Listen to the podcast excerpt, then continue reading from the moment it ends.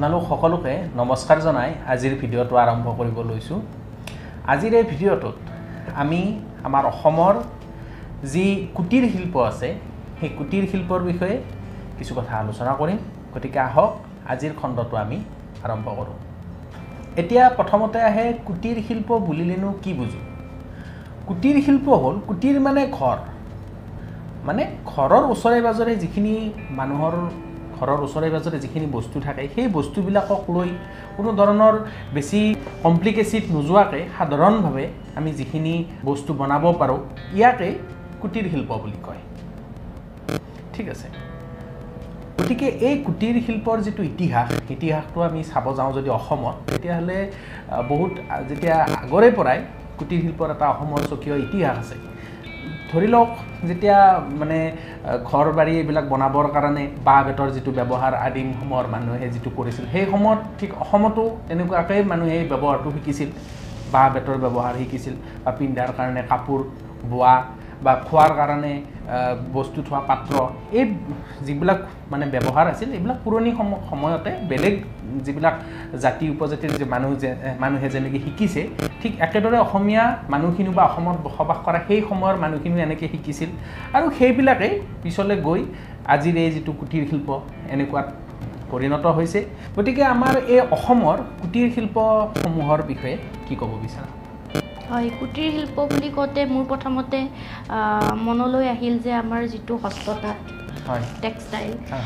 মহাত্মা গান্ধীয়ে কৈছিল ডেফিনেশ্যন এটা ইংলিছতে কওঁ বাৰু women of Assam weave dreams ইণ্ডিয়াৰ লুমছ তাঁতশালত তেওঁলোকৰ সপোনবোৰ বোৱে মহাত্মা গান্ধীয়ে কৈছিল। হয় নিশ্চয়কৈ আমাৰ যিখিনি ৰুৰেল অসমীয়া মহিলা আছে প্ৰত্যেকৰ ঘৰত যিখন তাঁতশাল থকা এটা মানে কালচাৰ বা এটা ট্ৰেডিশ্যনেই হয় অসমীয়া ছ'চাইটিৰ আৰু তাতে তেওঁলোকে যিখিনি মেখেলা চাদৰ বা তেওঁলোকৰ পিন্ধাৰ যিখিনি কাপোৰ তাতে তেওঁলোকে বোৱে সেইটো এটা খুবেই ছিগনিফিকেণ্ট কুটীৰ শিল্প হয়। অসমৰ। আৰু অকল অসমীয়া অসমীয়াৰ লগতে আমাৰ বড়ো মানুহখিনিয়েও তেওঁলোকৰ দখনা যি আছে বা অৰুণয় বুলি কয় সেয়াও তেওঁলোকে ঘৰতে বোৱে। বা আমাৰ মিচিং আৰু ৰাভাসকলৰো আছে মিচিংসকলৰ চুম্বা বা আপ- আপোনাৰ ৰাভাসকলৰ খাম্বাং এনেকুৱা তেওঁলোকৰ ট্ৰেডিশ্যনেল কাপোৰ কিছুমান আছে। আৰু সেইখিনি এটা এই মহিলাসকলৰ খুবেই ইম্পৰ্টেণ্ট এটা ছিগনিফিকেণ্ট কুটীৰ শিল্প হয়। হয়। অঁ আৰু আৰু তাৰে লগতে গামোচাটো আমি এটা উল্লেখ কৰিব পাৰোঁ এইখিনিত। গামোচাখন বুলি ক'লে অসমীয়াৰ পৰিচয় যি সন্মান। এয়া গামোচা ঘৰতে বৈ তেওঁলোকে যিটো মানে কুটীৰ শিল্পৰ এটা গ্ল'ৰি যিটো হয়। সেইটো তেওঁলোকে মানে অটুট ৰাখিছে।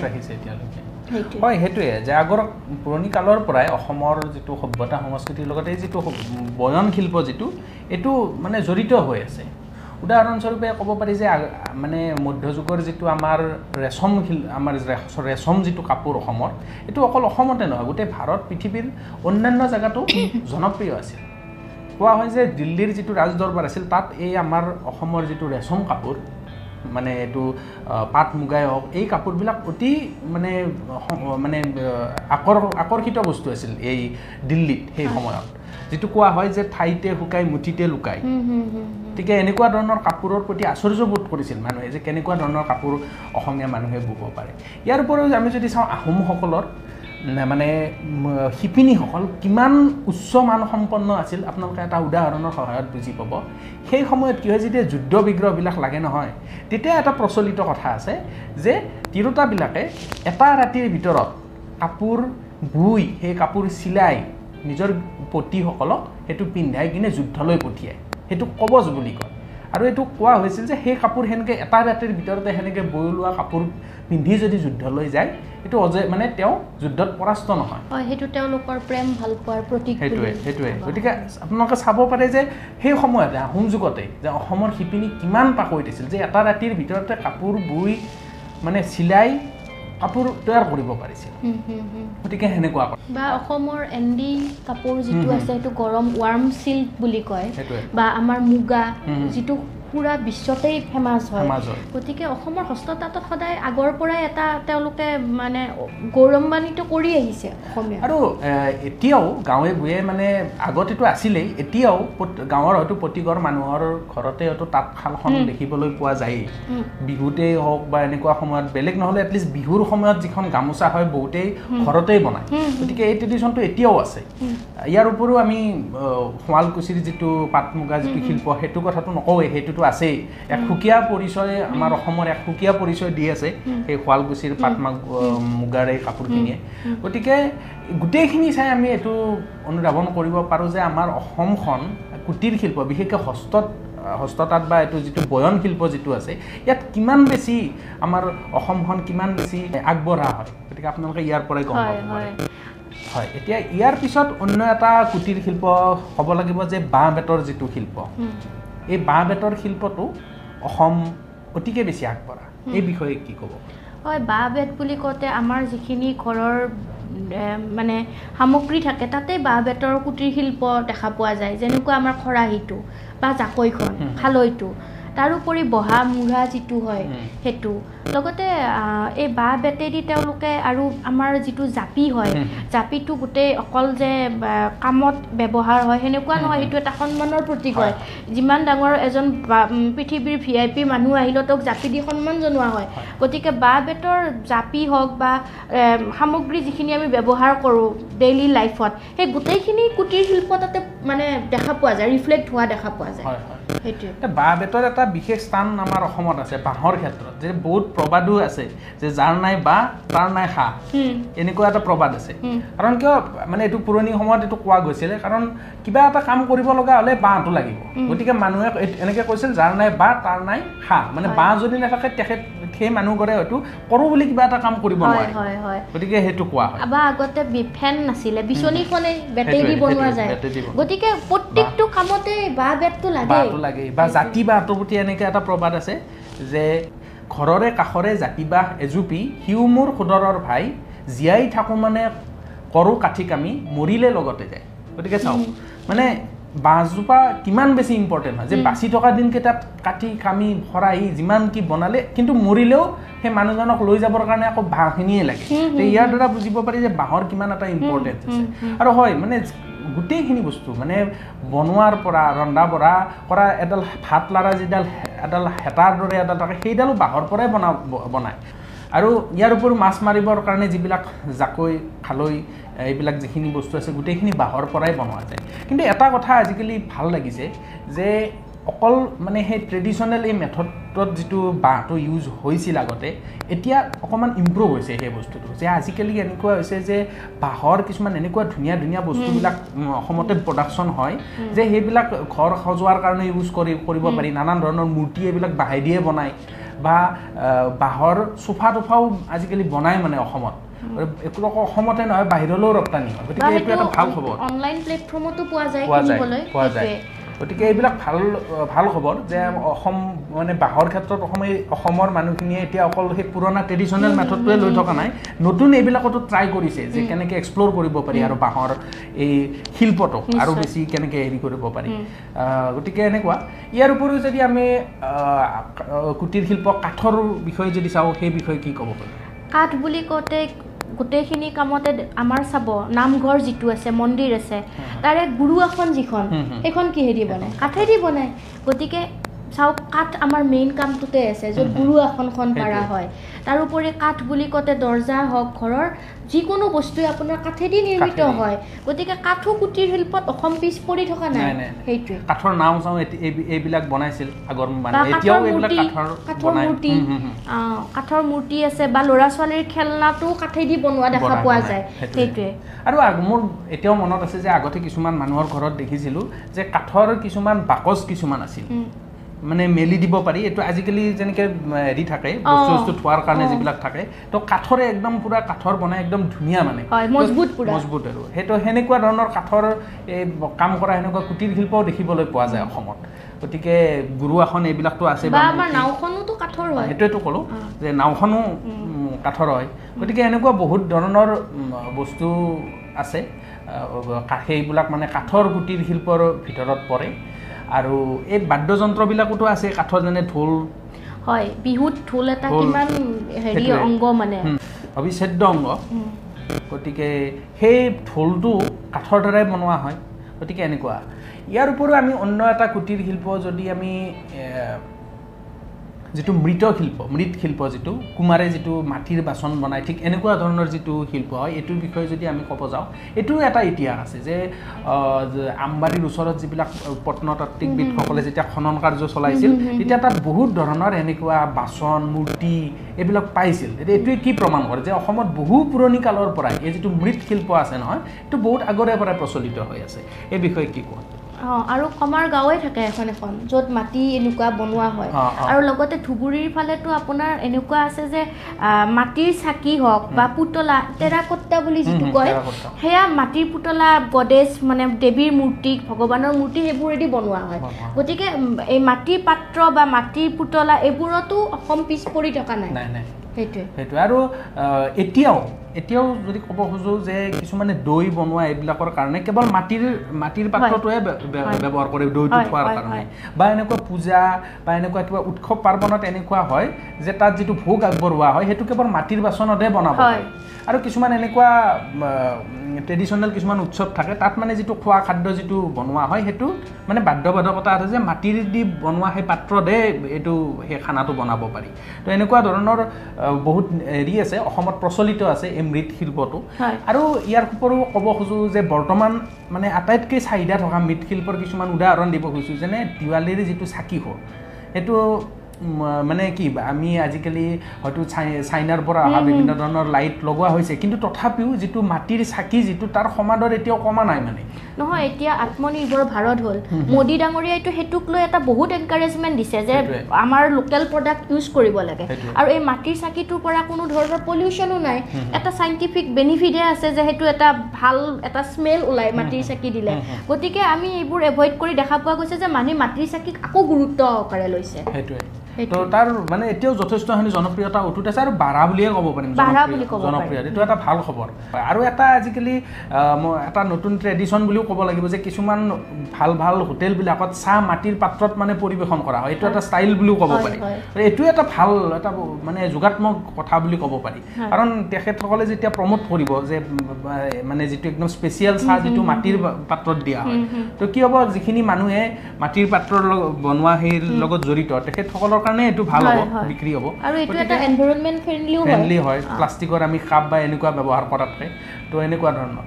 গতিকে ইয়াৰ পিছত যদি আমি কুটীৰ শিল্প বুলি ক'ব যাওঁ তেতিয়াহ'লে আহিব হাতী দাঁতৰ। এক বহুত মানে গৌৰৱ মানে কঢ়িয়াই লৈ আছে আমাৰ অসমৰ ক্ষেত্ৰত হাতী দাঁতৰ যিটো আ অলংকাৰ এই বিষয়ে কি ক'ব খোজা?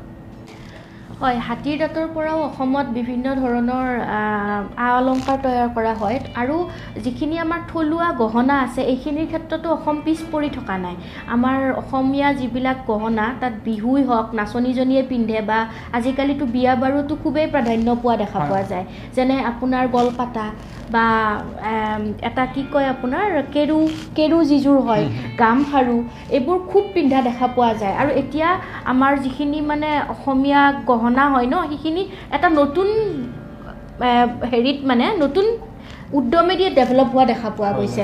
আৰু লগতে লোকপাৰ বুলিও কয়। খুব মানুহৰ মাজত চলিছে মানে। আকৌ মানে পপুলাৰিটি গেইন কৰিছে বস্তুটো।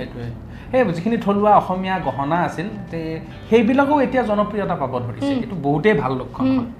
গতিকে এইবিলাকো কুটীৰ শিল্পৰ ভিতৰতে আমি ধৰিব পাৰোঁ। তাৰপিছত আৰু যদি আমি চাব যাওঁ আৰু বেলেগ কুটীৰ শিল্পৰ ভিতৰত পৰিব মুখা শিল্প। হয়। যে যিটো মাজুলীৰ যিটো মুখা শিল্প এই বিষয়ে কি ক'ব খোজা? মাজুলীৰ যিখিনি বৈষ্ণৱিজিম মানে বৈষ্ণৱিজিম ছেক্টৰ মানুহ আছে তেওঁলোকৰ ঘৰে ঘৰে মুখা শিল্পটো থাকে বুলি ক'লেও ভুল নহ'ব। প্ৰত্যেকৰ সেইটো যেন মানে এটা অবিচ্ছেদ্য অংগ হয় মানে পাৰ্ট এণ্ড পাৰ্চেল হয় তেওঁলোকৰ লাইফৰ যিখিনি আমাৰ ভাওনা হয় বা আপোনাৰ পুতলা নাচ সেই গোটেইবোৰত মুখা শিল্পটো দেখা পোৱা যায়। আৰু এই মুখাটো আপোনালোকৰ কাঠ মাটি এইবোৰেদি বনোৱা হয় আৰু মুখাটোত আপোনাৰ আমাৰ ভগৱানৰে কোনোবা এটা ৰূপ মাইথলজিকেল কেৰেক্টাৰবিলাক সেইবিলাক ৰিফ্লেক্ট কৰা হয় মুখা শিল্পটোৰ জৰিয়তে মানে। আৰু এইটো মানে গোটেই বিশ্বতে পপুলাৰিটি পাইছে। হয় হয়।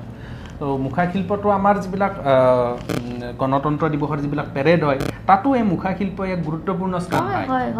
মানে এটা অসমৰ এক পৰিচয় পৰিচয় এই আৰু মুখা শিল্পটোৱে অকল এনেকুৱা নহয় যে কেৱল এণ্টাৰটেইনমেণ্ট ইয়াৰ জৰিয়তে এটা মেছেজো দিয়া হয় যিবিলাক মুখাটো পিন্ধি যিবিলাক নাটক যিবিলাক কৰা হয় এইবিলাক এটা মেছেজ দিয়ে যে সমাজ সংস্কাৰৰ প্ৰতি কিছুমান নতুন নতুন ধৰণৰ কনচেপ্ট আনে। গতিকে গোটেই ছ'চাইটিটোকে ইম্প্ৰুভ কৰাত এই শিল্পটোৱে সহায় কৰে।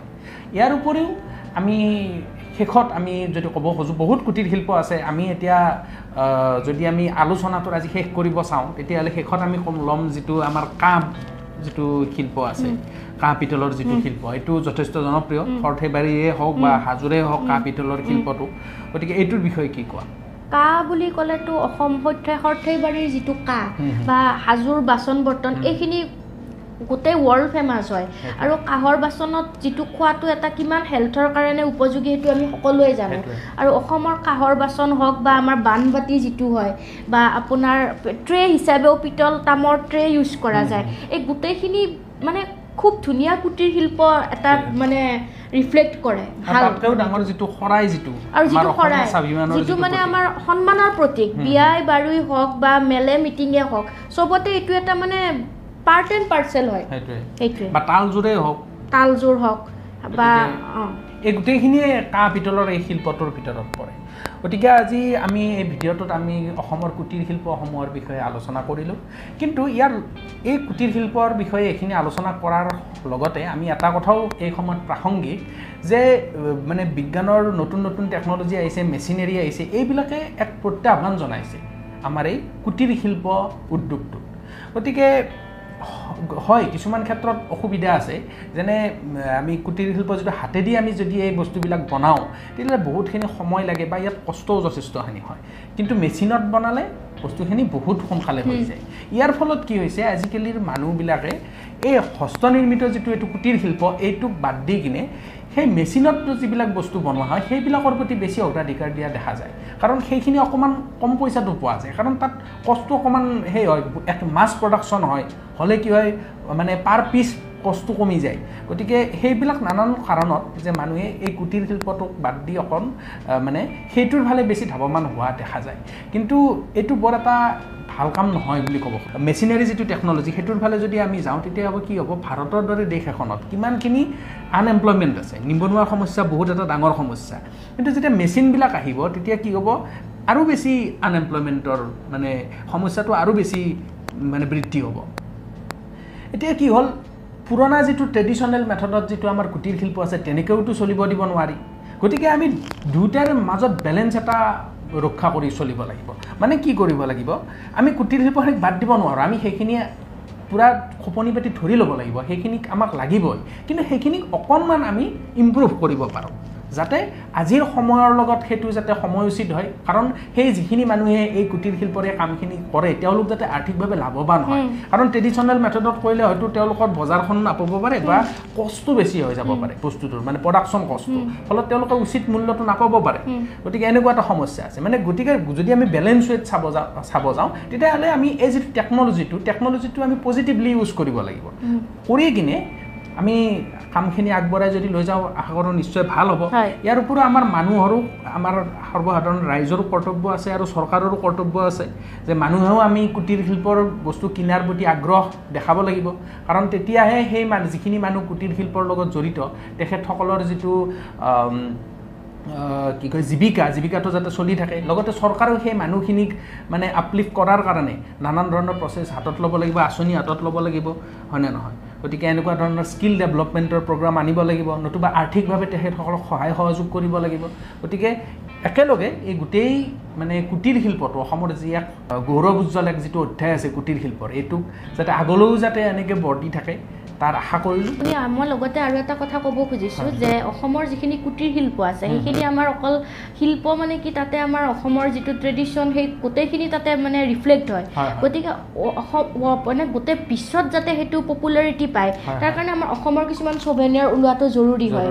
মানে অসমত টুৰিষ্ট এজন আহিলে। তেওঁ তাৰে অসমত কি কি শিল্প আছে সেনেকুৱা চভেনিয়াৰ গাইডখনত তেওঁলোকে পঢ়ক। তেতিয়া গম পাব কি আৰু তাৰোপৰি আমাৰ কুটীৰ শিল্পৰ মাৰ্কেটিংটো বাঢ়িব তেতিয়া। কিছুমান শ্ব'পিচ বনাব। মানে এশিঙীয়া গড়টোৱে কাঠৰ বনালে বা বাঁহৰ বেতৰ। তেওঁলোকে লৈ গ'ল সেইটো। বস্তু। গতিকে তেনেকৈ আমাৰ পপুলাৰিটিও পাব আৰু লোকত- লগতে লোকেল এণ্টাৰপ্ৰিনাৰ যিখিনি আছে তেওঁলোকৰো এটা মানে আৰ্নিং এটা হ'ল।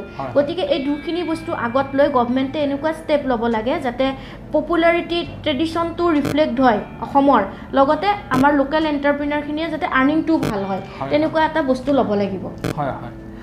গতিকে আজিৰ ভিডিঅ'টোত আমি ইমানখিনি আলোচনা কৰিলোঁ। আপোনালোকে ভিডিঅ'টো চোৱাৰ বাবে আপোনালোকক বহুত বহুত ধন্যবাদ। আৰু আজিলৈ বিদায় লৈছোঁ।